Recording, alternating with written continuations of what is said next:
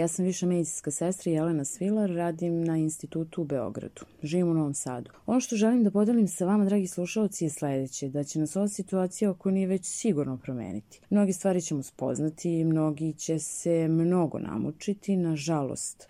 Žao mi je pacijenata, oni su najslabija karika u ovom lancu i Niko ne može ni da nam garantuje da mi možda nećemo biti sledeći. Treba ostati u ovakvim okolnostima pri čistoj svesti, bez panike, stresa. Samo se pitam ponekad kako. Konkretno pričam iz svoje perspektive jer u početku je bio strah od nečeg nepoznatog sa čim sam se direktno susrela kao i sve moje kolege, a to je virus sa kojim se svi borimo. Onda smo se navikli ili Možda mislim da smo se navikli, neki možda nikad neće jer su možda izgubili nekog ili su sami na svojoj koži suočeni bili sa njim.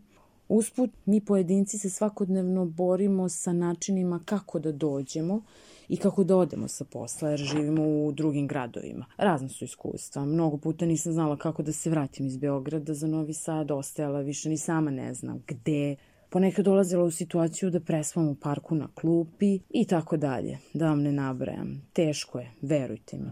Ishendlovati žargonski rečeno sve to.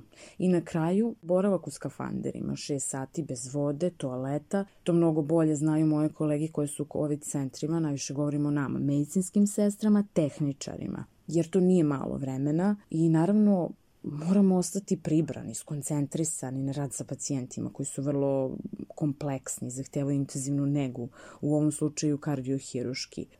I nekako naći način i doći kući, moleći se da ostaneš zdrav zbog sebe, svoje dece i naravno ne doneti im nešto na sebi, zašto ni sam ne znaš šta je i koliko će trajati. Ja samo jedno znam, da niko od nas više nije isti i nikad neće biti.